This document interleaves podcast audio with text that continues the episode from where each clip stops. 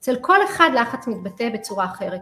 אתה דיברת שזה התחיל בחרדות, יש כאלה שאוכלים בלי הפסקה ואז זה מתבטא שם על המקרר, יש כאלה שלא אוכלים, יש כאלה שזה נכנס להם לחלומות, יש כאלה, כל אחד לחץ זה מתבטא אצלו באופן אחר, יש כאלה ש... אם אנחנו לא נבין איך זה מתבטא אצלנו ונבין מה המחיר שאנחנו עלולים לשלם וגם בתוך המקום הזה אנחנו לא נעשה שום דבר. היי, היי, כאן שרון וכטל, תודעה צלולה בגוף בריא ואני עושה את הפודקאסט הזה, פודקאסט צ'ארלי. כאן בפודקאסט אני מדבר על עולמות של התפתחות אישית, כושר, תזונה ו mindset של אנשים בריאים.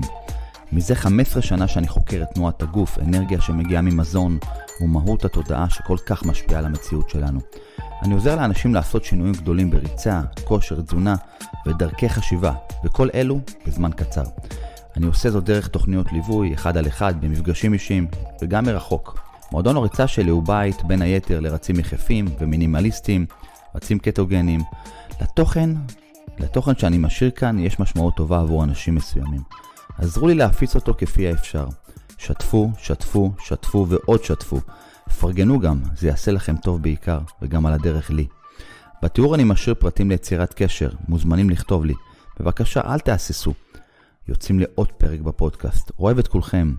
האזנה נעימה. חברים, יש לנו פה את הפרק uh, מספר uh, אה, 100 בפודקאסט שלי, פודקאסט צ'ארלי. ברוך השם הגענו לרגע הזה. למעשה אנחנו, uh, יותר נכון, יש לנו כבר 112-13 פרקים, אבל תמיד נעצתי, שמתי סימניה ואמרתי שפרק 100 יהיה מול קהל. אז קודם כל מחיאות כפיים, מול קהל. איזה כיף, יש פה קומץ אנשים שבא להיות איתנו ולתת אנרגיה טובה. הפרק הזה צריך להיות סופר מיוחד, למעשה הוא חלק מאיזשהו מחקר שאני עורך בשנים האחרונות, שמדבר על נושא של אה, חוסן מנטלי. מזמן כבר הבנתי שרוב האנשים נשארים ברמת החומר, ודפנט, היום, היום זה ברור לנו, אני חושב, אה, לי לפחות באופן חד משמעי, שמה ששולט עלינו כחומר זה הנושא התודעתי המנטלי. זאת אומרת, אני כבר שנים מסתכל על החיים שלי, אני מסתכל על אנשים של, אנשים של החיים של אנשים אחרים, ואיך אני מגיע למקום הזה שבעצם התודעה שולטת על החומר. אה, שאלות קיומיות בסיסיות, איך בן אדם אחד יותר עשיר, איך בן אדם אחד יותר מצליח, איך בן אדם אחד יותר מהיר, איך בן אדם אחד יכול להצליח במשהו אחד שהשני לא מצליח, איך בן אדם אחד חולה, איך בן אדם אחד לא חולה, והבנתי באופן די ברור שהעולם המנטלי שלנו, שהוא אגב זה עולם בפני עצמו, משפיע על העולם החומר, על העולם הפיזי. נמצאת, נמצאת איתנו היום דוקטור כרמית סלע. ברוכה הבאה. ברוכה הבאה, את רוצה להגיד כמה מילים לפני שככה צוללים פנימה לתוך נושא שהוא מאוד מאוד חשוב בעיניי? אמ, אחד, אני חושבת שזה באמת אה, נושא מאוד אה, חשוב, נורא משמעותי, דיברת, הרבה, הרבה אנשים מדברים היום על חוסן, זה הפך להיות כל הזמן מדברים חוסן נפשי, חוסן נפשי, אנחנו במהלך ההרצאה הזאת נבין בכלל גם מה זה חוסן נפשי ולמה אנחנו צריכים חוסן נפשי ומה הוא נותן לנו. אני חושבת שאם אנחנו נלך ישר גבוה ונלך לתוך החוסן, אנחנו לא נעשה עם זה שום דבר, אנחנו צריכים קודם כל להבין מה זה, מה הוא מאפשר לנו, ואז יהיה אפשר רגע להתקדם איתו הלאה. אה, אני שמעתי אותך ככה מדבר על, אה, על שיח, על עולם החומר ועל אה, העולם, אבל מה שהתחלת לדבר זה בעצם נושא שהוא נורא פשוט, אם נפשט את זה, חשיבה חיובית. אני, אני אסבך את העניינים, את תפשטי את העניינים, בסדר? אני אפשט את העניינים. כן, כי אני קצת אה, מורכב דרך המחשבה שלי. ואני חושבת שחלק מהאמירה הזאת זה בעצם אה, חשיבה חיובית. אם אנחנו נחשוב חיובי ואנחנו נפעל בזה, אז אנחנו נוכל גם באמת אה, להגיע, וזה יהיה גם הגורל שלנו.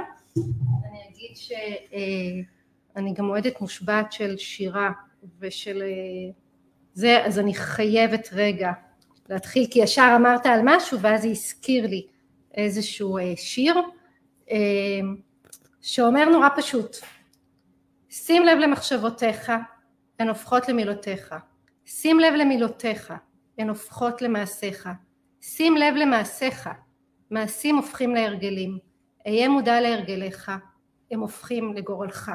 המחשבות שלנו גורמות למילים שלנו, המילים שלנו למעשים שלנו, המעשים להרגלים, ובסוף ההרגלים זה הגורל וזה מה שבעצם ככה דיברת ואמרת. אה, אבל זה לא כזה פשוט לעשות חשיבה חיובית כמו שאמרת כי אנחנו נמצאים בתוך עולם מאוד מורכב עם המון לחץ. ואני רוצה להתחיל רגע לשאול אותך, אתה מדבר כל הזמן על חוסן ואתה עושה הרבה ואנשים שככה רואים אותך מהצד יכולים גם להיבהל מזה, מאוד להיבהל, אנשים שרצים מרתון ו- ו- ועושים מיליון ואחת דברים וחושבים ומצליחים, זה יכול נורא נורא להביא לאנשים אחרים וזה לא התחיל משם, זה בדרך כלל יש איזושהי נקודה כשאנשים מגיעים ומבינים שהם צריכים כאילו רגע לעשות איזשהו שינוי שמגיע מתוך מקום של אה, לחץ, מצב משברי. אז אני רוצה לשאול אותך בכנות ובפתיחות, מתי התחלת לדבר באמת לבחון את עולם החוסן? איך הגעת אתה אישית לתוך המקום הזה? טוב. מה היה המצב שלך? שאלה מצוינת. טוב, אה, האמת היא שבאמת שאנשים אולי רואים אותי ככה רץ יחה ורץ מרתוני ומתמודד ורץ בשמש ומדבר בביטחון כזה מלא, אולי אה, אנשים באים ואומרים זה יכול להיות שהוא קצת אה, איזה ביוני כזה, אבל אני אחזור טיפה אחורנית. הסיפור שלי עם עצמי התחיל מזמן, לפני יותר 15, 16, 17 שנים, כשאבא שלי נפטר והתחלתי, נפלתי לעולם של נפש, עולם של חרדות, מחשבות טורדניות, מקום, עולם, קוסמוס שלם שלא הכרתי, מקום שהסתכלתי במראה אמרתי, מי זה, מי זה הבן אדם השברירי הזה? לא ידעתי לבוא ולהגיד את המושג חוסן מנטלי אז. זאת אומרת, במסע שאני עברתי עם עצמי, כביכול נרפאתי, לא שיש באמת אה, אה, ריפוי מסוים, לא שיש ריפוי, זאת אומרת, אתה במסע שלך כמו גורף את כל, ה, את כל החיים שלך ואתה מכיל אותו ויודע איך להתבטא, איך, איך לבוא לידי ביטוי עם הדבר הזה. אבל עם המחקר שלי במהלך השנים אה, עברתי המון, זאת אומרת אה, התחלתי לחשוב על החיים בצורה אה, שהיא מאוד עם עצמי. זה לא קרה ביום אחד, זה קרה ממש ממש בנקודות ציון. התחלתי לחשוב על אוכל, התחלתי לחשוב על תנועת הגוף, התחלתי לחשוב, בסופו של דבר התחלתי לחשוב על המחשבות שלנו. הגעתי למקום שאני שואל את עצמי, מה זה מחשבה? מה זה פחד? וגם אפשר לראות, אה, אפשר להסתכל בפודקאסט שלי, מי שחוזר אחורה בפודקאסט שלי יכול גם אה, בסדר הכרונולוגי של הפרקים אולי לבוא ולהגיד בואנה ככה, ככה התפתח הבן אדם, כי יש פודקאסט על פחד ויש פודקאסט על התמודדות כזאת ועל התמודדות כזאת ואיך, זאת אומרת הפודקאסט למעשה זה הדרך שלי לבטא את הרעיונות שלי, אז אפשר לחזור אחרונית ולהסתכל מי הבן אדם. עכשיו בן אדם שמסתכל על בן אדם אחר ואומר בואנה זה נראה ככה, זה מרגיש ככה, זה מרוויח ככה, אה, יכול לבוא ולחשוב שבואנה, הבן אדם לא מתמודד בכלל. אבל אני יכול לספר שאני בחיים שלי מתמודד כל יום. אני מכונת אגו, לפני כמה שנים, אני, אני הייתי אגואיסט, הייתי בן אדם מגעיל, באמת, לעצמי אפילו. זאת אומרת, הייתי עושה דברים שאני היום מתבייש אולי. ואחד הדברים שאני היום עושה זה, את יודעת, אה, קודם כל, אני, אני בא ואומר, אין, אה, אין מצב, אין הצלחה חד משמעית, אין מצב שהגעתי אליו, אני מדליק סיגר, שותה קופה קובאנה. זה לא עובד ככה. גם אני, גם את, כל מי, גם כל מי שיושב פה, כל מי שמאזין, כל מי שצופה, אנחנו מתמודדים. אבל בסופו של דבר, בכל המסע שלי, שהוא לא קל, אני בוחן אותו, מה אני מחפש דבר אחד? אני מחפש בצ'אנל, בשלט, להגיע לערוץ החיים הטובים. אוקיי? אני רוצה את ערוץ החיים הטובים, אבל לא עם סמים. אני רוצה לקום בבוקר ולא לפחד ולהרגיש טוב, וזה המחקר שלי. עכשיו אני אשאל אותך שאלה, אוקיי? בעולם הנפש, בעולם הנפש הקונבנציונלי, איך בונים חוסן מנטלי? ספרי לנו.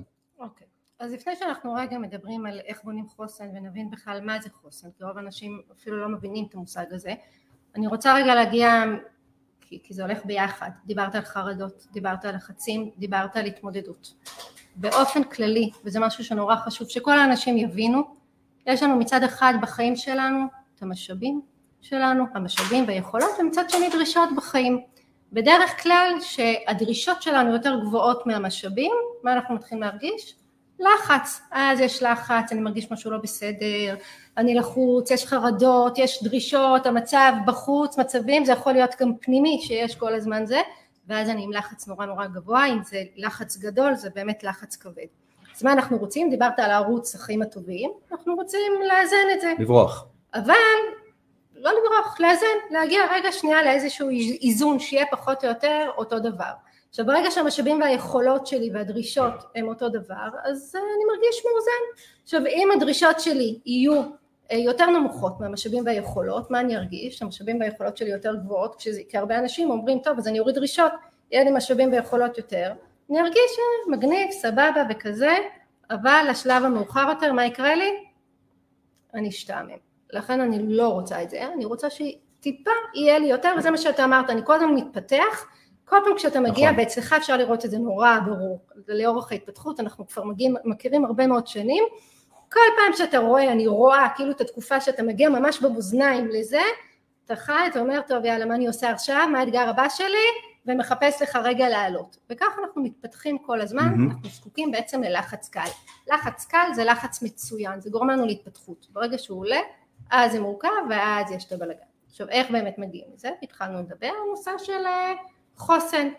אז קודם כל, וחשוב להבין למה אנחנו צריכים את החוסן, אה, יודע מה זה חוסן? באופן כללי, אם הייתי שואלת אותך מה זה חוסן, בהחלט, מה ההגדרה של חוסן? מתוך החוויה שלי, חוסן זה היכולת שלי לשמור על קור רוח אה, במצבים מסוימים, שהם שלי, במצבים מסוימים שהם שלי, mm-hmm. שקחי 100 איש, שהם יגידו בואנה במצב הזה אני שובר את הכלים, אבל אני, שרון וכטל, יכול להתמודד, יכול להכיל, לספוג את זה לתוכי לתאים, ואולי במקום אחר להוציא את זה, כמו פח אשפה.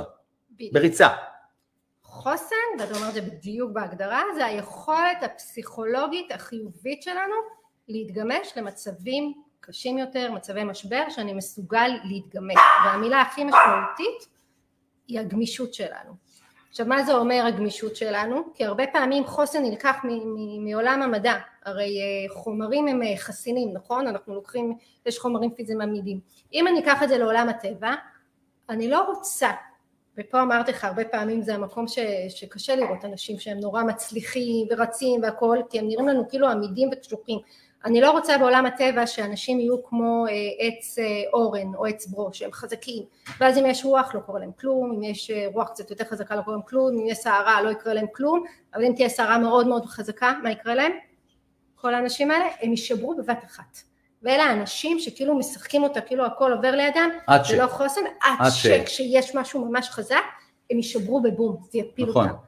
אנחנו לא רוצים את זה, אנחנו רוצים את היכולת להתגמש, מה שנקרא להיות uh, קנה הסוף שהוא מתגמש. כמו במבוק. לגמרי, בול.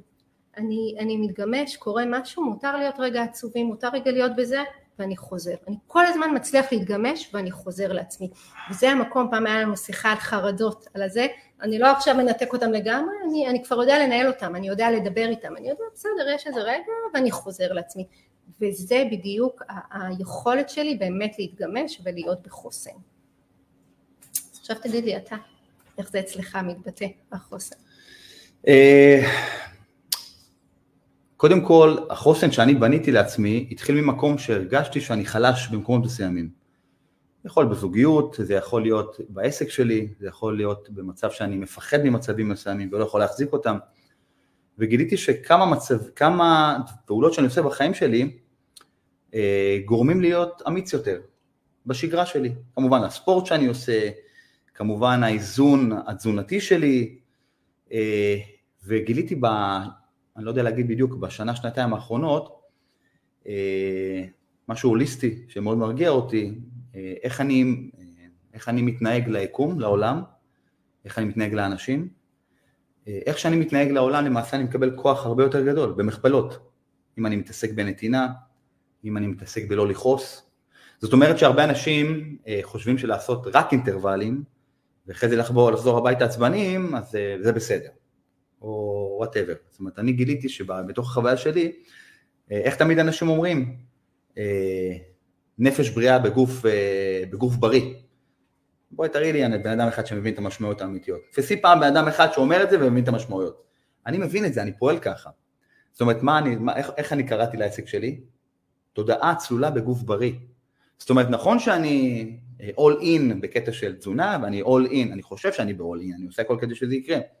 ואני all in בעולם של תנועה, ואני בדרך לא לכעוס ולתת ולהיות בן אדם טוב, זו החוויה שלי, אלה הפעולות הבסיסיות שאני עושה, שהן קשוחות, תקשיבי, אה, להגיע לרמה שאתה מנהל את המחשבות שלך, מנסה שהם לא יהיו כמו סרט נע על אוטומט, לשים עליהם את האצבע, פה עשיתי לא טוב למישהו, פה עשיתי טוב, פה לא עשיתי טוב, פה עשיתי טוב, אבל מה עשיתי ואיך הוא הרגיש?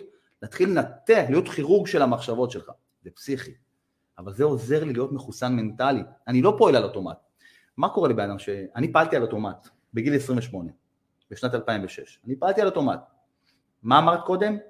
האיש החזק, עלק, נפלתי על הרצפה כמו בכיין. הייתי קם בלילה מזיע כמו לא יודע מה. ונגמרתי. לא יכולתי לצאת מהבית. הייתי האיש החזק, חדר כושר, אה, שמח כל הזמן, עד ש... היום אני יודע שבין 0 ל-1 יש המון גוונים. המון גוונים. שאם אנחנו לא נדע להכיל את כולם, אז הלכנו לאיבוד. מבינה? אז נכון שיש אימון ספורטיבי תנועתי, נכון שיש תזונה, ונכון שיש המון דרכים כדי להפריש דופמין ולהרגיש טוב ולא יודע מה, אבל הפעולות שאני עושות הן במעטפת של אה, אנרגיה שמגיעה מהאוכל, תנועת הגוף ופעולות מנטליות שאני חושב שבן אדם שלא צולל למקום הוליסטי טיפה, מרכך את הברזל שבתוכו, יחיה במקום של סבל לעולם. לעולם יחיה במקום של סבל. וזה הנדבך האחרון אגב שנכנסתי אליו, זאת אומרת, שם אני לא מוותר. אני כל כך נהנה בשנים האחרונות מלהיות אה, חבר של עצמי, לשבת על הספה, לעשות מדיטציה, לחקור את עולם המים הקפואים, חשיפה לקור, חשיפה לחום, מה השיח שלי עם עצמי, אני, את יודעת מה המטרה שלי? בתקופה האחרונה, אבל as is, אני אומר, להיות חבר של עצמי. להיות חבר של עצמי הכי טוב בעולם. כשאני עם עצמי, אנחנו הולכים יד ביד, הכל אפשרי. אני יכול לנצח, לשבור כל קיר. באמת הכל אפשרי. אז כמה דברים שככה אמרת, אני אקח את הדברים שלך ואני אהפוך אותם גם למדע ולמחקר של הנפש. אה, אז קודם כל דיברת באמת על נפש בריאה וגוף בריא.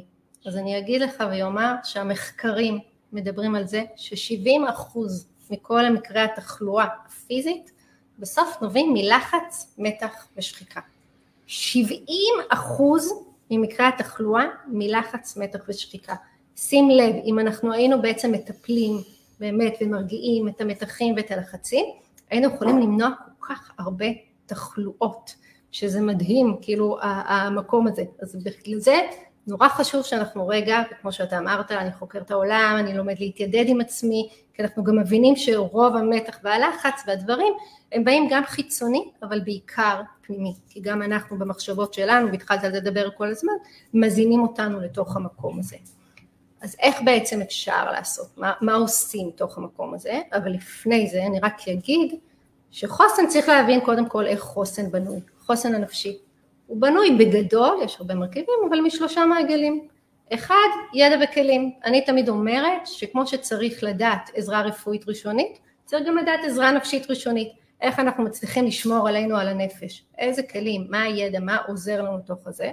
הדבר השני זה הקהילה, המקום שאנחנו חיים ודיברת על זה, המקום שלי, הקהילה שלי, המשפחה שלי, השכונה שלי, המדינה שלי, כל המקומות האלה הם נורא משמעותיים, הקהילה שלנו. והדבר השלישי שלי זה הזהות, התפקיד, המשמעות, דיברת, אני חוקר, המקום שאני נמצא. שלושתם ביחד בונים לנו בעצם את החוסן הנפשי שלנו. עכשיו, איך אני בעצם יכול לבנות, מה אני יכול לעשות? אז אחד, נפשט את זה בשני דברים, ואתה העלית את זה גם, זה הולך נורא פשוט, אם דיברתי קודם כל על המאזניים של מצד אחד דרישות ומשאבים ויכולות, אני תמיד אומרת שמישהו נמצא בחרדות או בלחץ או, במס... או במצים, רגע תעצור, מה קורה פה, איפה האוזניים, מה הדרישות, מה המשאבים והיכולות, בואו נראה, זה אחד, הדבר השני לחלק את זה לשתיים, מה אני יכול לשלוט ומה אני לא יכול לשלוט. בדרך כלל מה שאני לא יכול לשלוט זה נקרא מעגל השליטה ומעגל הדאגה, זה מה שאני דואג, כל הדאגות, כל הדברים, כל הראש, כל המחשבות שאנחנו עולים זה כל הדאגות שלנו. איפה שאני לא יכול לשלוט עדיף לשחרר. רוב האנשים מה הם עושים? כל היום במחשבות, מה אני צריך, מה אני זה, מה יהיה, מה יהיה, מה... אני לא יכול לשלוט בזה, אני נמצא שם, ואז זה כמו לזרום הפוך בים, סוער, לשחות נגד הזרם, אני מתעייף. במקום רגע לזרום עם זה ולצאת. Mm-hmm. אז אפשר לחלק לשתיים מה שאני לא יכול לשלוט, לשחרר, איפה שאני יכול לשלוט, שם אני אתמקד. ואתה דיברת וזה מאוד יפה, איפה אנחנו הכי יכולים להתמקד? בנו, באיך אני מתנהג, איך אני פועל לאנשים אחרים, מה אני יכול לעשות למען אחרים, אני אעשה טוב, אני אקבל טוב. וזה איזשהו מקום שאנשים אפילו לא מצליחים להבין ישר, אלא לוקח זמן הרבה פעמים עד שהם מגיעים, ואנחנו יכולים לראות את זה הרבה. אם תיקחו שני אנשים, כולם פה מכירים, דמות אחת, אני אגיד לכם עכשיו זה יעלה, שתמיד מבאסת כזה, תמיד אתם רואים אותה עם פנים עצובות, נפולות כאלה, לא מחייכות, תמיד באים, תמיד הכל צורות, ויש את אלה שתמיד מחייכים, שמחים והכל. אם ניקח את שני האנשים האלה, לא בהכרח זה שתמיד מחייך החיים שלו דבש, אפילו נהפוך הוא, יכול להיות שהוא עבר הרבה מאוד דברים יותר קשים. אבל מה זה משהו במחשבות, בהחלטה, במקומות האלה שהוא לקח לעצמו, כמו שהתחלתי עם המחשבות והגורל לאן שאנחנו הולכים. אז זה מעגל השליטה, הנרטיב החיובי, על לדבר, על, על להיות באמת במקום אחר, ולשאול את עצמנו גם, מה שלומנו? אנחנו כל היום שואלים אחרים, לא כל היום, לא הרבה, אבל אם אנחנו שואלים, אנחנו שואלים את האחרים מה שלומנו. אנחנו צריכים לשאול את עצמנו מה שלומנו, מה קורה איתנו, כדי להבין רגע איך אנחנו ממשיכים הלאה. את יודעת, אני מדבר עם הרבה אנשים אה, על הנושא הזה של אה, לוותר. את לא אוהבת, לא אהבת את המילה להיכנע. דיברנו על אה, לפני כמה, כמה ימים על נושא של כניעה. למרות שאני אוהב את המילה כניעה, כי מצב של כניעה אומר, טוב, נמאס לי. אז אני מוריד כתפיים, שוכב על הגל, נותן לים לקחת אותי. בפועל, אנשים מתנהלים על אוטומט, זאת אומרת, לא צריך להפעיל הרבה כוח על האוטומציה הזאת. אנשים חיים את החיים, אבל יש איזו מלחמה כזאת, אנשים כל הזמן בטנס כזה מאוד גבוה, אה, הם יכולים להשית את הספירה שלהם על הליך ראשון, אבל הם כל הזמן בחמש.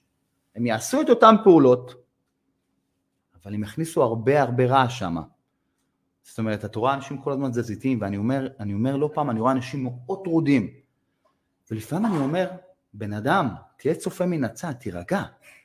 תהיה קצת רגוע, תוריד את הכתפיים, פעם אחת תסתכל מה קורה כשאתה לא מכניס יותר מדי זעם לשגרה שלך. אתה תגיד לעצמך, בואנה, אני בא הביתה עכשיו, ולא משנה מה אומרים לי, אני מקבל. לך תביא, שפוך את הפח, סע, תיכנע, בוא תראה פעם אחת מה קורה כשאתה מקבל הכל בקנייה.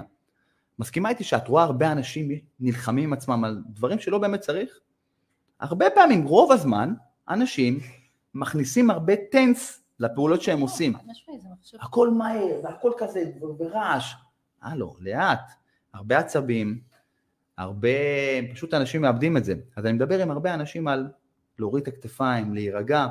אני חושב שזה אחד הדברים החשובים שמדובר בחוסן מנטלי, שעוזר לנו בעצם ליצור איזו יכולת התמודדות במצבים מסוימים. לגמרי, אבל אני אומרת שזה לא, לא מהמקום של הכניעה, זה מהמקום של הגמישות. אני יכול להתגמש, נכון. אני יכול לבחור במה נכון. אני בוחר, זה בדיוק מה שאמרתי, הגמישות הזאת. ומה שאתה העברת, אם אני אהפוך את זה למשהו שיהיה פרקטי, כי אני בסוף אוהבת לתת גם דברים פרקטיים לאנשים. אמרתי לך, אני מסבך, את מפשטת. זה, אה, קח את מודל, יש מודל של אה, דוקטור אלינוער פרדס, אה, קולגה מדהימה, שאומרת שיש מודל שמדבר על שלוש דברים, מגן, אחד מודעות, אתה דיברת על זה, קודם כל אני אהיה מודע למה שקורה איתי, המחשבה הזאת, מה שאתה אומר, אני אהיה מודע רגע מה קורה לי, אפילו אני אבין מה קורה לי רגע עכשיו, איך אני, מה אני מרגיש, אני במתח, אני לא באמת, רוב האנשים כשדיברנו על הלחץ אפילו לא יודעים שהם נמצאים בלחץ, הם חיים את החיים מהר מהר מהר מהר והם לא שמים לב עד שלא עלינו קורה משהו. כואב, כואב, עד שכואב. כואב בגוף, הרבה פעמים זה מחלות. או התקף חרדה. או התקף חרדה. או התקף חרדה, או הנפש. מאוד שכיח. הם לא יעשו כלום עד שהם לא יבינו שזה קורה. אז אחת קודם כל להיות במודעות, לשאול את עצמנו שאמרתי מה שלומנו, לשאול את עצמנו, הרבה פעמים כשעוצרים, רגע שנייה לעצור במהלך היום, אני עוצרת כמה פעמים במהלך היום, אני שואלת את עצמי מה שלומי. ואז פתאום אני אומרת, האמת לא כל כך טוב, לא יודעת למה. ואז כשאני מתחילה לשאול ולחשוב למה אני, וואי אמרתי משהו למישהי ולא הייתי בסדר.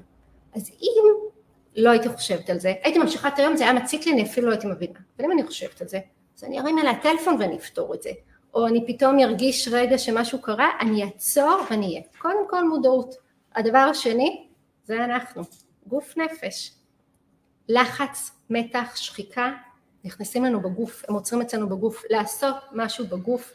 אני אמרתי לך, לא יעזור כלום, אני הולכת לאימונים ספורט, לא בשביל הגוף, יותר בשביל הנפש. רגע לנשום, להוציא אוויר, ללכת, לעשות משהו עם הגוף, זה יכול להיות דברים נורא פשוטים, אבל משהו עם הגוף, להוציא את המתח וגם להבין מה קורה לי בגוף, קר לי, חם לי, אכלתי, שתיתי, גם את זה הרבה אנשים אומרים לי יום שלם ולא נגעתי בעומסים, רגע, לבדוק מה קורה לי עם הגוף, דיברנו, הגוף שלנו.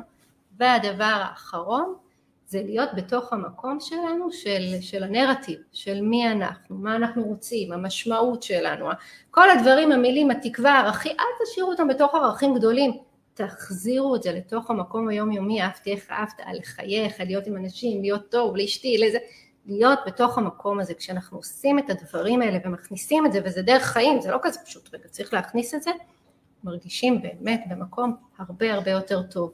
ואז זה חוזר, כי כשאנחנו יותר נינוחים, וכשאנחנו יותר שלווים, מה קורה? זה מדביק את הסביבה, נכון. תחייך לאנשים, לך תסתובב ברחוב, תחייך לאנשים, הם יחייכו אליך, זה, זה הולך, אם אני אהיה רגועה, אנשים סביבי יהיו רגועים, אם אני אהיה מתוחה ואני אהיה בלחץ ואני אהיה זה, אני, אני מזינה את זה, ואז כל היום אני חיה בתחושות נורא נורא קשות. אז זה בעצם הכיוון של ככה מה שאמרת, להפוך את זה למשהו הרבה הרבה הרבה יותר פרקטי, פשוט לעצור. הדבר הנוסף שאני חושבת ש, שמאוד משמעותי זה לעשות, זה להכניס דברים טובים לחיים שלנו. אם אנחנו לא נהל, דיברת קודם על איך אני מנהל את החיים ולא החיים מנהלים אותנו. היום מה שקורה בחוץ, קורים דברים לא פשוטים, אין מה לעשות. לכולם קורים דברים לא פשוטים בתוך החיים, זה יכול להיות מחלות, זה יכול להיות אסונות, זה יכול להיות דברים, זה יכול להיות סתם לחצים בתוך העבודה, פתאום הילדים בתוך המקום. אם אני לא אכניס דברים טובים לתוך החיים שלי שיורידו את המתח, ותכף נדבר מה, מה עושה טוב לך ולאחרים, אז אני אהיה מנוהלת מתוך כל העומסים האלה. אני חייבת לנעוץ ביומן mm-hmm. את הדברים הטובים, להכניס את הדברים הטובים שמרגיעים אותי. דיברנו על זה. דווקא אני אמרתי לך, אני לא אעזור, אין, העולם, הכל, אני אלך לאימונים. אני יודעת שזה מה שעוזר לי. עכשיו, הרבה פעמים אומרים, איך דווקא בתוך הלחץ, העומס עכשיו, כן. ילדים, הלימודים, העבודה וזה, עכשיו אני אלך גם פתאום אה, זה, לספורט, כן. כאילו, איפה, אין לי זמן, נכון? לחוג. כמה אנשים אומרים, אני אלך לחוג. חוג. לא, אני יושב בבית, אני אוכל אה, חבילת קרם באותו אפקט, אותו אפקט. אני עסוק, אתה חי בשנטי, אתה עושה ספורט. אבל הם לא מבינים שאם הם לא יעשו את זה, אז להפך, כל החיים יהיה בלאגן והרבה יותר עומס. כאילו, אנחנו חייבים לעצור, זה כמו שכשעולים אה, אה, לטיסה, זה לשים את המסכת חמצן קודם כל לעצמי, כדי שאני אוכל אחר כך לעזור לאחרים. כאילו, אני עוצרת שנייה כדי לעשות, ואחר כך יש לי הרבה יותר אנרגיות והרבה יותר כוחות. אז uh, אני אגיד פה רגע, אפילו גם לאנשים שנמצאים פה בקהל, לעצור רגע לדקה, גם לעצמך, ושכל אחד יחשוב עשר דברים שעושים לו טוב. עשר? עשר דברים. אל תספחי אותם. שתי עשר דברים. עשר ועשרה דברים שעושים, זה העשרה שלי, כן. עשרה דברים שעושים טוב.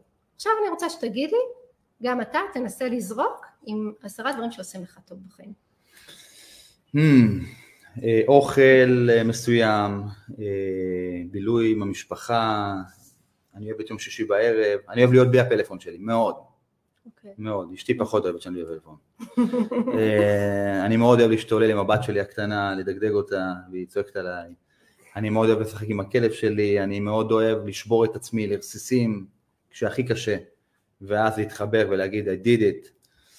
אני אוהב לראות אנשים שמצליחים, באמת, אנשים שמצליחים להגיע לפסגה כזו או אחרת, ואני אוהב לפרגן. אני אוהב לפרגן. נכון.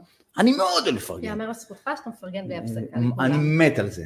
אחד הדברים שאני אוהב לעשות זה לפרגן. באמת שאני לפרגן, ואני אוהב במבה מתוקה, סתם. אה, יש המון דברים שאני אוהב. למדתי לאור. אני אוהב לשחות, אני אוהב אה, לדרוך על החול, אני אוהב אה, לגעת באנשים, אני אוהב לחבק, נשמע לא טוב. אני אוהב לחבק, אני מבין את המשמעות של זה אבל.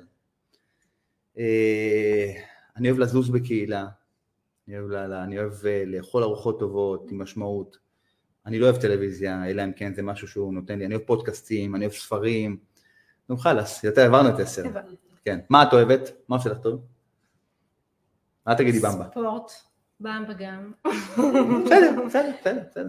ספורט, מוזיקה, להיות עם אנשים אהובים לי, טבע, טיולים, אה, באמת עצירה של נשימה, אה, חברות, ואני אומרת תמיד שכל הדברים האלה אני גם נועצת אותם ביומן. Mm-hmm. הרעיון הוא לא רק להגיד מה אני אוהבת, אלא אמיתי, להכניס את זה בתוך היומן, לנעוץ אני קוראת את זה, הלכה למעשה, ולדאוג שאני עושה, כי אם אני mm-hmm, לא mm-hmm. מכניסה את זה בתוך הלו"ז שלי, אז כמו שאמרנו, החיים ינהלו אותי, ולא אני אנהל את החיים שלי.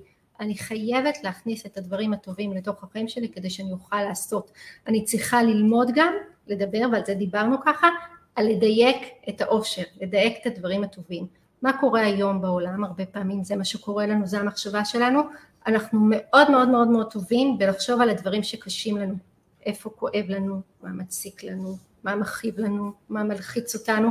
כל הזמן הראש שלנו טרוד בדברים הקשים.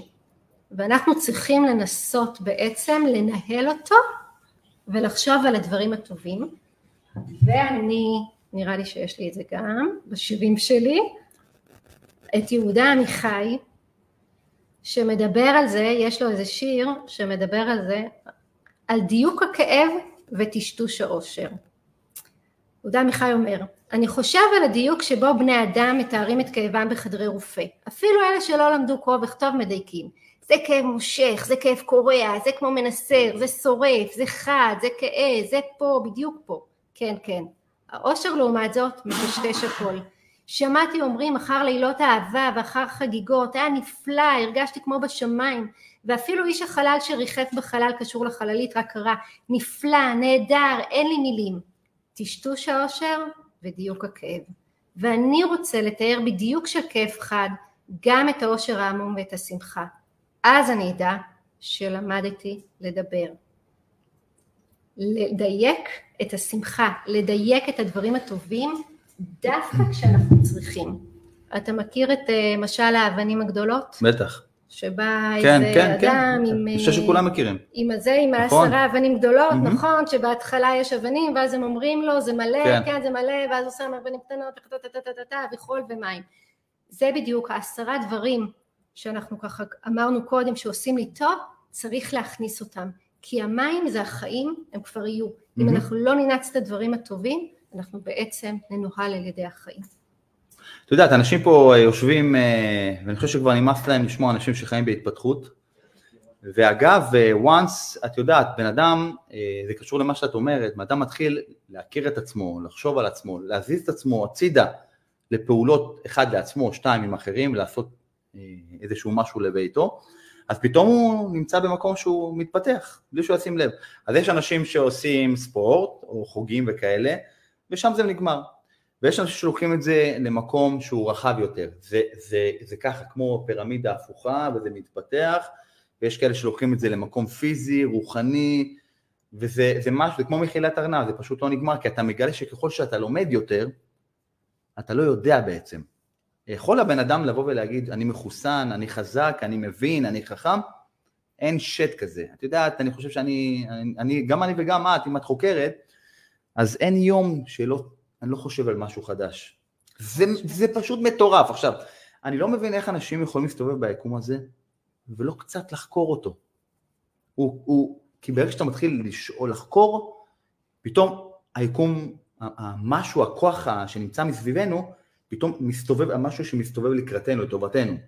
כי כל עוד אני לא שואל שאלה קיומית, אני כקליפת השום. אני בגיל, עד, עד גיל 28, לא הייתי אני. טיפסתי על איזשהו הר של החיים, הייתי חזק עלק, עד ש... איך אמרת? ואז הבנתי מה זה להיות חזק באמת. אוקיי? בן אדם שנכנס לאמבטיית קרח, זה לא שהוא חזק, אבל הוא מבין את המטריה.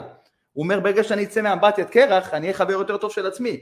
ואם אני חבר יותר טוב של עצמי, אני אוכל לאהוב יותר טוב אנשים אחרים. כי ביום שאני לא אוהב את עצמי, רוב האנשים מתלוננים ולא אוהבים את עצמם כנראה, יש להם כעס פנימי שהוא מאוד גדול. אז יושבים אנשים בבית ואומרים, בואנה, על מה הם מדברים בכלל? אין לנו זמן, איך אמרת? אין זמן לעשות ואין זמן... חיים שכאלה.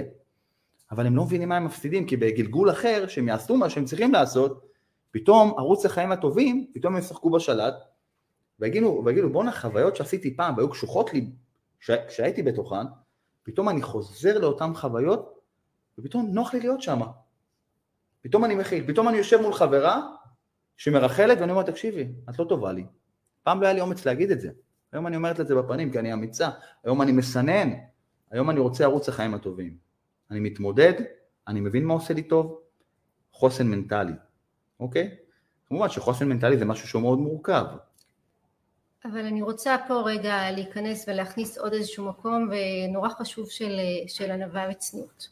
אחד, לכל אדם, אין אדם בעולם שאין לו חוסן מנטלי ויכולת התמודדות. לכל אדם יש את היכולת התמודדות. כל אדם יכול להתפתח במקומות שלו. אני חושבת שמה שחשוב ומשמעותי רגע לעצור ולהקשיב. באמת אנחנו בתוך המרדף הזה, דיברנו על העומסים, הלחצים, אנחנו הרבה פעמים לא עוצרים. עכשיו זה מתוך מקום שיש אנשים באמת, הם נמצאים בתוך מקום מאוד מאוד הישרדותי, כמו שאמרתי, הרבה פעמים זה כאילו נוגד לנו את המציאות, מה עכשיו אני אעצור, אני אתפתח על כל הדברים האלה שאתה מדבר, אני אשמע, כאילו, אני בתוך מקום הישרדותי, אני חייבת לעבוד, אני חייבת לחזור, אני חייבת לגדול לא באמת, אני חייבת לעצור. לא באמת הישרדותי. עבורם, המצאה. עבורם הוא רגע כן. הישרדותי. Mm-hmm. וצריך לקבל את זה וצריך mm-hmm. להבין את זה, ובגלל זה אני אומרת, אף אדם זה לא יעשה לו כלום, וגם הפודקאסט הזה יעבור ליד כולם, אם הם לא יבינו, והרבה פעמים כשאני מדברת בהרצאות על לחץ אני עוצרת, כמו שעשיתי את עשר הדברים הטובים, mm-hmm. אני עוצרת ואני שואלת איך לחץ מתבטא אצלם. אצל כל אחד לחץ מתבטא בצורה אחרת. אתה דיברת שזה התחיל בחרדות, יש כאלה שאוכלים בלי הפסקה ואז זה מתבטא שם על המקרר, יש כאלה שלא אוכלים, יש כאלה שזה נכנס להם לחלומות, יש כאלה, כל אחד לחץ זה מתבטא אצלו באופן אחר, יש כאלה ש... אם אנחנו לא נבין איך זה מתבטא אצלנו ונבין מה המחיר שאנחנו עלולים לשלם וגם בתוך המקום הזה אנחנו לא נעשה שום דבר, לכן צריך קודם כל לעצור, לנסות להבין מה המחיר, להבין למה חשוב המקום הזה של לעשות לעצמי טוב ולשמור על עצמי ואז אני בעצם יכול ללכת ולקחת ולהגיע לתוך המקומים ברומו של עולם שדיברת עליהם, אבל זה איזושהי mm-hmm. דרך שצריך לעשות עם עצמנו. ובדרך כלל אנשים עושים את זה בגיל צעיר יותר, כשהם עוברים איזשהו משהו מורכב וקשה כמו שאתה סיפרת, עברת, איבדת את ההורים שלך בגיל צעיר, אז אולי הגעת לזה מהר יותר. ויש כאלה שמצליחים להגיע כל אחד ככה במקום שלו, אבל אה, אני חושבת שצריך לעצור רגע, לקחת ולהתחיל מזה של לשאול רגע מה איתי, מה שלומי, מה קורה איתי, ובאמת איפה אני נמצא ומה אני, איזה מחיר אני אמור, עלול לשלם, אם אני לא שנייה אעצור ואני אדאג רגע גם לנפש שלי. אוקיי. Okay. אז בואו ניתן קצת, אה, נעבור לפרקטיקה, ניתן אה, כלים אה, של, קודם כל אני חושב שאני מקווה שאנשים יבינו קצת על חוסן מנטלי, גוף, נפש, מהו. בואו נדבר קצת על פרקטיקה. הרבה אנשים רואים, זו אופנה כזאת היום, אנשים הולכים לקצה עם כל מיני אמבטיות קרח, ו... אה, ולמעשה תכלית המפגש בינינו, שאני מביא איזשהו מבט לא קונבנציונלי על חוסן מנטלי, מתוך הזווית שלי, שתמיד את מציגה מקום רך ומסביר, ואני איפשהו מביא איזשהו מקום שאני לא מבין, אה, אה, למה, למה אנשים, אה, שוב, סתם, אני רואה, אני רואה הרבה צער אצל אנשים ששוברים את הכלים ולדוגמה מתגרשים ומחפשים ריגושים כל הזמן ואני אולי בתוכי אני אולי מביע איזשהו כעס, לא כעס אמיתי, כי איך אמרת קודם, בסופו של דבר אנחנו לא, לא, לא כולנו אותו דבר, אבל, אבל אני, אני, אני באמת רוצה רגע להבין, להסביר ש... אה, להגיע למקומות כאלה של, אה, של הכלים הפשוטים האלה, וגם היה לי השבוע שהוא אה, הקלטה עם מאי חלל, הנושא של, כל נושא של הרגעים האלה שאנחנו לוקחים את הגוף לקצה ואיך זה יכול לעזור לנו, אז uh, כלים טובים יכולים להיות למעשה לקחת את הגוף לקצה שנייה, מי שבאמת שואל את עצמו איך אני יכול לעבור טרנספורמציה עם הגוף שלי, אולי תביא איזה שהם כלים שהם uh, מהעולם שלך, אז בעולם שלי יש חשיפה לקור, אה, אני, אני מנוע מלפרט על כל דבר, כי זה ייקח לנו הרבה זמן. זה יכול להיות חשיפה לקור, זה יכול להיות חשיפה לחום, אה, רגעים אה, ממש קצרים של, של שוק כזה. זה יכול להיות אפילו התנסות שאומרת לי, אל תעשה. כאילו, אני, רוב האנשים לא מסוגלים לשים מצלמה ולדבר, אז עכשיו אני כן אעשה. ללכת יחף. ולעשות כל מיני פעולות בסיסיות כדי ליצור איזשהו 180 מעלות מהמחשבות הקונבנציונליות שלי, המעכבות שלי. Mm-hmm. זאת אומרת, איך זה קשור לחוסן מנטלי? כי המוח שלי, by default, הוא שומר עליי, הישרדות, נכון? מסכימה איתי? אז לראות איפה אני תמיד נתקע, לראות מה אני רוצה, איפה אני תמיד נתקע, ואיך אני יכול דווקא להפנות למחשבות שלי לרגע גב. אה, הוא מציע לי לצאת לאימון, למה אני תמיד אומרת, אומר לא? אולי אני כן אנסה, כי באוטומט שלי אני בסייף סייד, יש איזה פס כזה של החיים ואני תמיד נשמר. אז אולי נגיד כן פעם אחת, אולי נעשה איזה פעולה, אז כל הזמן, קודם כל לנסות 180 מעלות מה, מהמחשבות המעכבות. אני מגלה פעם אחר פעם שאני אני, אני כמעט כל יום עושה כמה פעולות שהן כנגד המחשבות המעכבות שלי, ובעצם זה מפתח לי מקום שהוא בטוח, חוסן מנטלי. כי המחשבות שלי תמיד משאירות אותי במקום בטוח. אין לי בעיה להיות במקום שהוא לא בטוח, כי אני באמת בטוח במקום שהוא לא בטוח, זה הפוך על הפוך. כי ברגע שאני מתנגד למחשבות המעכבות שלי, אז אני יוצר אצלי ביטחון חדש, מרחב עשייה. אז אני כן לוקח את עצמי, נחשף לקור ברמה שאני יכול, כן הולך על קרקע חמה, כן הולך יחף, כן רץ בלי חולצה, להבין שבעצם כל הסיפורים שאני מספר לעצמי, זה רק סיפורים. כל אחד יכול לקחת, לקחת איזשהו דף נייר ולהגיד מה קשה לו, מסכימה איתי? קשה לי להתבטא, קשה לי לחבק, קשה לי לכתוב ולעשות אימוג'י של לב, אה, וכל אחד עם הקושי שלו. קשה לי לא להיות עצבני על הכביש, קשה לי לא להיות עצבני בבית. לנסות לעשות דברים שכן יבואו לידי ביטוי, ואיך אומרים שאתה עצבני, לך תעשה מקלחת קרה, אז זה ממש ככה. אז כל הדברים הקטנים האלה שיכולים לעשות לנו טוב. אוקיי, okay, ואני אפשט את מה שאתה אומר, כדי שיהיה קל כן. גם ליישם את זה. כן. אם, אם אני חוזרת למאזניים, mm-hmm. אז אתה כל פעם כשאתה מגיע לאיזשהו איזון, אתה אומר אני מבין שכדי להתפתח אני צריך לחץ קל, לא לחץ כבד כי אז הוא יפיל אותי, לחץ קל, mm-hmm. ואז אני מחפש לעצמי מה אני יכול לאתגר את עצמי. אוקיי, הגעתי לאיזשהו מקום, אני כבר רץ מרתון, הגעתי לזה, מה אני יכול? אז אני אנסה יחף. ואז אני מנסה לראות איזה משאבים אני יכול להכניס לעצמי כדי להיות. אז עכשיו הגעת לזה, אז אני אעבור לאמבטיות קרות. אני ככה, ובעצם ככה אנחנו מגבירים את יכולת ההתפתחות ואת החוסן. זה דרך הפיזי. אתה פועל דרך באמת המקומות של הפיזיים שהם עובדים המון גם על המנטליות, כאילו לתוך מקום. תמיד. אבל אפשר לקחת תמיד מאוזן, תמיד. שאמרת. אז כל אחד בתוך המקומות, מה אני יודע שקשה? אני מפחד לדבר מול קהל, אז אוקיי, אני אעמוד מול זה ואני אעשה, אז אני אנסה רגע בקטן, אני לא אקח קהל גדול, אני אקח קהל קטן, mm-hmm. כאילו. וכל פעם אני אעלה את עצמי, אני אאתגר את עצמי כדי שאני אוכל בעצם לעלות ולהתפתח. עכשיו רגע לפני שמגיעים לתוך המקום הזה, נגיד ויש איזשהו מקום קשה, שאני רוצה לעשות אותו, אני באמת רוצה להיות שם, אבל אני נמצאת באיזשהו לחץ עמוק ואני עם איזושהי חרדה נוראית רגע בתוך המקום, מה קורה לנו הרי? נגיד והייתי רוצה לעשות איזשהו, לא יודעת מה, אמרת כל מיני דברים שהייתי רוצה. קפיצת בנג'י. קפיצת בנג'י, בואו ניקח קפיצת בנג'י.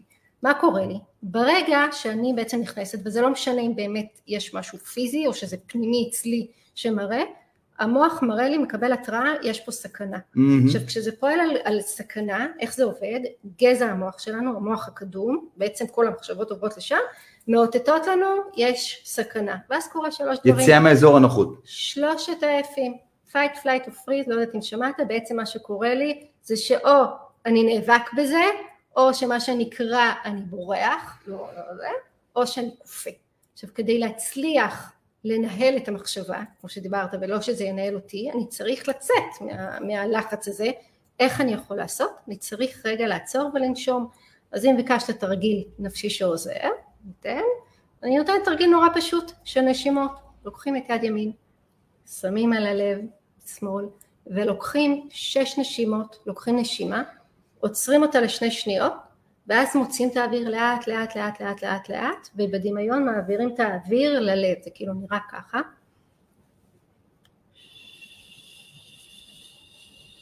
אני יכולה להמשיך עם זה מלא ככל שאתה מתורגל. ברגע שאני עושה את זה, כי מה קורה כשאני בלחץ והגוף מאותת לי שאני בסכנה, כל המערכות שלי משתגעות, כל הלחץ, כל הזה יוצא, ברגע שאני עושה את זה אני מרגיעה את הכל ואז אני יכולה לנהל את המחשבות בעצם ולהצליח לעבור אליה לשלב הבא. זה איזשהו תרגיל קטן גם מתוך הנושא של גוף נפש שעובד ביחד.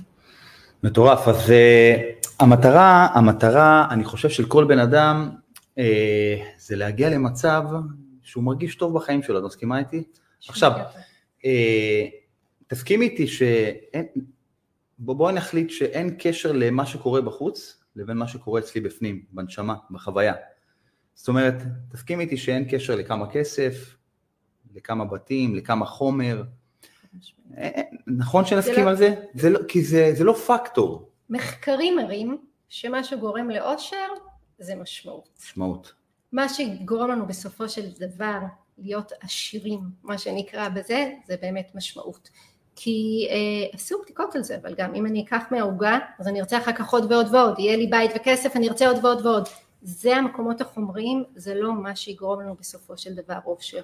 מה שגורם לאושר זה משמעות, ובגלל זה אמרתי, אפרופו בחוסן, אחד מהדברים זה התפקיד והמשמעות. למה אני בוחרת להיות מה שאני בוחרת להיות, למה אני בוחרת להיות אימא, למה אני בוחרת להיות במקרה שלי עובד סוציאלית, למה אני בוחרת, מה התפקיד שלי פה, מה הקיום שלי בעולם הזה. מאדם הרי יכול להסתכל על עצמו ולהגיד, בואנה, מה יש לי? יש לי ילדים, יש לי בית, למדתי, אני משכיל, יש לי עבודה, יש לי קריירה, יש לי הכנסה. זה תרגיל מאוד פשוט אני חושב. אז על מה אני, למה אני לחוץ, או למה אני מוטרד, או למה אני לא ישן טוב בלילה? יש הרבה אנשים שיגידו, בוא'נה, כשאני כותב על דף אני במצב טוב. סטטיסטית, כשאני מסתכל אחורנית, גם אם אין לי קצת מינוס בבנק, לא קרה שום דבר. זאת אומרת, תיאורטית אנשים חיים בתודעת חוסר, לא חיים בתודעת שפע, ולכן ההרגשה של החוסר הזה, זה משהו שמוריד להם את החוסן המנטלי, חוויית החיים לא טובה, הם מייצרים איזושהי מחשבה. אמרנו, יהודה עמיחי, דיוק האושר. נכון, נכון, נכון. אז אני אומר את זה, אני אומר באופן חד משמעי, באמת. אני חושב שהחוויה שלי נכונה לגבי כל האדם. אה, ערוץ החיים הטובים, לא בכסף, לא בחומר, לא בבגדים, אני, אני, אני עומד על זה, אני, היום אני, באמת, אני, אני, אני מוריד אצבע על זה. אני חושב שלהיות טוב לאנשים אחרים, איך אומרים, לתת את מה שיש, לא לכעוס, להיות מחובר, אה, להבין שאתה, אין אגו, בגובה העיניים. אני נלחם מלחמת חורמה על עצמי. גובה העיניים. מבינה? זה מה שיביא את המשמעות, את האיזון. ערוץ החיים הטובים. אגב, הפוך על הפוך, כשאני אהיה במקום הזה, פתאום אני אראה כסף, פתאום אני אראה שגשוג, פתאום אני אראה עשייה, פתאום אני אצא לחוג, כי פתאום אני, החוויה שלי היא טובה מהחיים, ואני פנוי לחשוב בצורה צלולה. אמרנו, תודעה צלולה, בגוף בריא. אין זה קלישאה. מסכימה? אקורד סיום? לפני שאנשים פה אולי שואלים שאלות? אקורד סיום הוא באמת לעצור. בוא נשאיר שיר ככה, איזה שיר? על הדבש ועל העוקץ.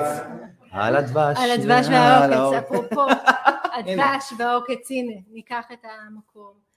אה, תמיד יהיה עוקץ עם הדבש, אני חושבת שאין חיים מושלמים, אין, לא, אי, אי אפשר לעשות את זה, זה בא ביחד, זה ללמוד לחיות עם הגם וגם, לקחת את זה, להיות בצניעות, להיות בענווה, לשאול את עצמנו מה קורה איתנו, להקשיב לעצמנו מה טוב, לנסות, לנסות להזיז אה, רעשי רקע אה, מבחוץ כדי להבין מה נכון לי mm-hmm, ומה ממש. טוב לי.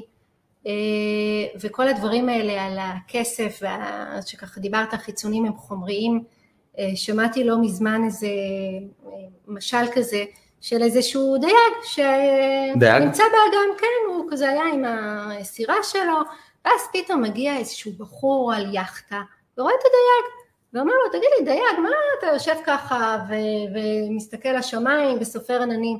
מה איתך? תדוג יותר דגים. אז הוא אומר לו למה? תדוג יותר דגים תוכל אה, יהיה לך יותר כסף תוכל לקנות לך סירה יותר גדולה ואז תקנה סירה חדשה ותוכל לדוג עוד יותר דגים. הוא אומר לו ואז? ואז אתה תוכל לקנות סירה עוד יותר טובה לדוג יותר דגים ו... ואז ואז תוכל לקנות עוד יותר ו... ואז, ואז בסוף יהיה לך יאכטה ענקית ותוכל לנוח. אבל הוא אומר לו, אבל זה מה שאני עושה עכשיו. נכון, נכון. אז זה בדיוק העניין, רגע שנייה, לעצור, להקשיב לעצמנו. נכון. אחרי מה, אחרי מה אנחנו רודפים בעצם? אנשים לא רצים, רצים, רצים, וכאילו, ואז מסתכלים אחורה ואומרים, בואנה, אף אחד לא רודף אחריי, יש לי, יש לי הכל, לא שמתי לב אפילו. מדהים, מדהים. מי רוצה לשאול משהו, חברים? יש כזה דבר? שאל. פשוט. נתן דוגמה של נשימות למצבי חירום, אבל אנחנו לא כל הזמן נמצאים במצבי חירום, אבל כולנו לחוצים. לא. משנה מאיזה תגובות. מה אפשר לעשות חוץ מנשימות? כי האינסטינקט הבסיסי של בן אדם זה לנסות לפרק את ה... למצוא פתרון, לפרק את הבעיה. אם זה איתו, אם זה איתה, אם זה כל הדברים של. לא משנה אם זה כסף, או אם זה חברתי, או אם זה סוציאלי, לא משנה. מה, איזה פתרון נוסף יש חוץ מנשימות? בהינתן העובדה שאני אגיד שאני לא מצליח לעבוד עם נשימות, שזה לא תופס אצלי. אוקיי. Okay. אז קודם כל אני אגיד שדיברנו אה, על חירום, אבל לא יעזור בחירום אם אני לא אתרגל את זה בשגרה. אז אצל כולם תופס נשימות, צריך ללמוד לתרגל וצריך ללמוד לנשום, אנחנו לא יודעים לנשום נכון. אחד, להתחיל ללמוד את זה ולתרגל את זה כל יום. אני כל יום עושה כמה פעמים, וזה יכול להיות בפקק, זה יכול להיות אחרי רגע עבודה קשה, זה יכול להיות רגע לפני שאני נכנסת, לפני אימון שנייה באוטו, לא להתנתק מהכל ולעשות את הנשימות האלה, כי נשימה זה אחד מהדברים הכי משמעותיים. הדבר הנוסף ש, שככה כדוגמה שאמרתי, זה המעגל שליטה ודאגה, אפילו הדברים הנורא נורא פשוטים, רגע שנייה לעצור ולהגיד, אוקיי, יש לי איזה בעיה, איך אני, אני מפרקת את זה רגע, מה, מה אני יכול לשלוט? אוקיי, בדרך כלל אנחנו דואגים למה שאנחנו לא יכולים לשלוט. אני לא יכולה לשלוט את זה, אני לא יכולה לשלוט מה יקרה, מה יהיה זה, שם לשחרר. איפה אני כן יכולה לשלוט? שם אני אתמקד. וזה יכול להיות סתם דוגמה מהחיי היומיום, אם אני באיזה, צריך להגיע ל... אה, אתה עורך דין, לדיון בבית משפט. מאוד חשוב, קריטי. יש עכשיו פקק, אני באמצע פקק, אני לא יכול להיות. בדיוק אני חושב על זה. מה קורה לנו? כי זו הסיטואציה היומיומית. Mm-hmm. מה קורה אם אני עכשיו נמצא בתוך הפקק ואני בלחץ, אני מתעצבן, אני דואג על הזה, אני כאילו מה, אני מאחר לדיון, מתחיל לזה, אני מכניס את עצמי לתוך הגוף, הראש שלי לחירום, למצבים לא נושמים, אני מכניס את עצמי עוד סטרס, עוד לזה. אבל אני לא יכולה לשלוט בזה, אני כבר תקוע בתוך האוטו. אז אם אני אקח את הסיטואציה הזאת ואני אגיד, אוקיי, אני לא, זה, וזה תרגול, זה לא פשוט. אני לא יכול להגיע, אין מה לעשות, קרה תאונה, לא יכול, אין מה לעשות. ואני אשחרר את זה. מה אני כן יכול לשלוט? אוקיי, אני כבר תקוע עכשיו באיזה פקק שהולך להיות. מה אני כן יכול לעשות בתוך הדבר הזה? אולי אני אתקשר לאשתי, לא לי לדבר איתה, אנחנו כל היום רק בזה. אולי אני אשמע מוזיקה טובה, כי מתי יוצא לי, אני אשמע פודקאסט טוב, אני אעשה דברים, אני כאילו מכנסה בראש, בתוך זה. אני משחררת את מה שאני לא יכולה לשלוט ומתמקדת איפה שאני כן יכולה לשלוט. עכשיו שוב, זה, זה, זה עבודה, זה לא כזה פשוט, צריך לתרגל את זה, את הנשימות, את העבודה, את כל המקומות האלה, צריך פשוט לתרגל את זה. ואם מישהו שקשה לו באופן כללי עם נשימות ויכול לעשות, אז תנועה, לחץ מתח נמצאים לנו בגוף.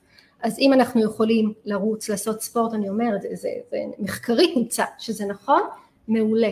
מי שלא, אפילו תנועות כאלה, כאילו זה נשמע מגוחך, כאילו אצלי הרבה פעמים בעבודה, אני עובדת אנשים, אנחנו רואים אותם כי כולם כבר מכירים, תנועות כאלה, נכון. או ממש טפיחות כן. על הגוף, זה כאילו משחרר רגע את הלחצים, זה מדהים כמה הדברים הקטנים, זה לא כלים מאוד גדולים, יכולים לשחרר. אגב, אני רוצה להוסיף למה שאתה אומר, כדי שתגיע למקום מודע, אתה חייב להיות מחובר לעצמך. זאת אומרת, אתה יודע, יש, דיברנו על כל, כל הנושא הזה שבן אדם צריך קודם כל שיהיה לו שיח עם עצמו. עכשיו אתה יושב באוטו, אתה לחוץ, אתה מתחיל לדבר עם עצמך, אתה חבר של עצמך, אתה אומר רועי תירגע, הכל בסדר. אתה יכול להוריד את הכתפיים, להירגע, אבל הכל מתחיל ונגמר כמה אתה מקשיב לעצמך. זאת אומרת, את כבר מדברת על, על הפקודות שאני נותן לעצמי. יש כאלה שלא מודעים לעצמם, הם עושים פעולות מאוד פזיזות, מאוד עצבניים, ואין להם מקום שמדברים עם עצמם כדי להרגיע את עצמם. זאת אומרת, עוד פעם, בתוכנו מה לעשות, אם שמנו לב או לא שמנו לב, יש מישהו ששולט בתוכנו, יש לנו קרקורים כל הזמן. רוב האנשים מתחרפנים מהרעשים האלה. אתה נמצא בפקק, אתה לחוץ, הכי קל לך להלחיץ את עצמך עוד ועוד. אבל ברגע שאתה חבר של עצמך וזה תהליך, אתה עושה מדיטציות, אתה מתחבר לעצמך עם תהליכים, אתה פחות בפלאפונים ויותר מדבר לעצמך, אז דווקא כשאתה לחוץ, רואי תירגע, תעשה פעולה, יש שיח, אתה ממש מדבר, וזה עובד, אחי. תזכרו מה שאמרתי, מודל מגן, נורא פשוט. מ', להיות במודעות, קודם כל להבין מה קורה לי, ג' זה הגוף נפש, הלשחרר, והנון, הנרטיב, הלהתחבר לתוך המקום שלי. מודעות, וואו, זה כל הקטע הזה שאתה בן אדם מודע לעצמו. אני כועס, למה אני כועס? למה אני מפחד? כאילו אני, שואל, אני, אני שואל את עצמי שאלות, עצמי, מה כן. שלומי, אני גם אענה לעצמי. נכון. לא תשאלו את עצמכם מה שלומכם, לא תענו לעצמכם. בול. ככל שאני מדבר עם עצמי אל עצמי, אני מתחיל פתאום להבין, יש קולות ויש תשובות. גם על זה יש לי שיר, אבל אין לנו זמן, אז את זה אני אקרא לך. בפעם הבאה. מי רוצה לשאול שאלה? לא. חברים, תודה רבה.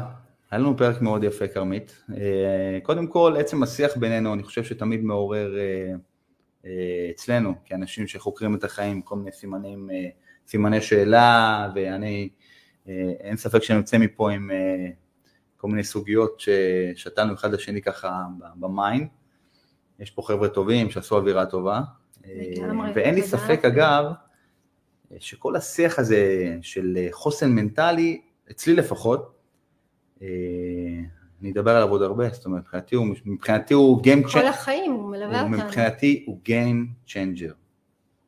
עולם החומר פסה, הוא מעניין, הוא פסה, אבל היום ברור שהנפש, תסכים איתי אבל שטוויסט אחרון, אה, כל נושא הנפש הוא, הוא פחות מובן בעולם המערבי, זאת אומרת, אה, יותר מתייחסים לעולם, לעולם, לעולם הפיזי, הבריאות, הבריאותי. כן, אבל היום כבר מבינים שוב, מתוך המחקרים, אפילו המיינדפולנס, שאני יודעת שאתה מדבר עליו ככה הרבה, דיברתם על עולם המדיטציות, mm-hmm. המיינדפולנס הגיע מתוך רופא מערבי, שבעצם הלך וראה איך במזרח אנשים הרבה יותר בריאים, אה, יש שם משהו אחר, ואז הוא אמר, אוקיי, אני מביא את זה לעולם המערבי, ובעצם הוא מדבר על כלים של אה, גם עם מדיטציות של כמה דקות בתוך העולם הערבי, איך אנחנו מכניסים את זה. אני חושבת שהעולם המערבי מבין שאם הוא לא יעשה משהו, זה לא ייגמר טוב, ויש אנשים לאט לאט שמתחילים בעצם להכניס יותר ויותר לתוך החיים שלהם גם את, ה, את העניין של המחשבה, ואני אמרתי עזרה נפשית היא קריטית כמו אה, לדעת עזרה רפואית ראשונית, צריך גם לדעת ממש, עזרה נפשית. ממש, ממש. זהו חברים, תודה רבה. פרק 100 של הפודקאסט. חברים, תודה רבה. אה, תודה רבה לדוקטור אה, כרמית סלע, מדהימה. וזהו. כן, פרק 100, 100 מאמין. אגב, הראשון. הראשון, הפרק הראשון, הפרק המאה, וכרמית אנחנו מכירים כבר עשור. הכל בסימן, יותר מעשור, יותר מעשור. תיקח את זה אחורה, נגיד. כן, וואו, מי המאמין, אה? מטורף. לגמרי. חברים, תודה רבה, ושיהיה לילה טוב.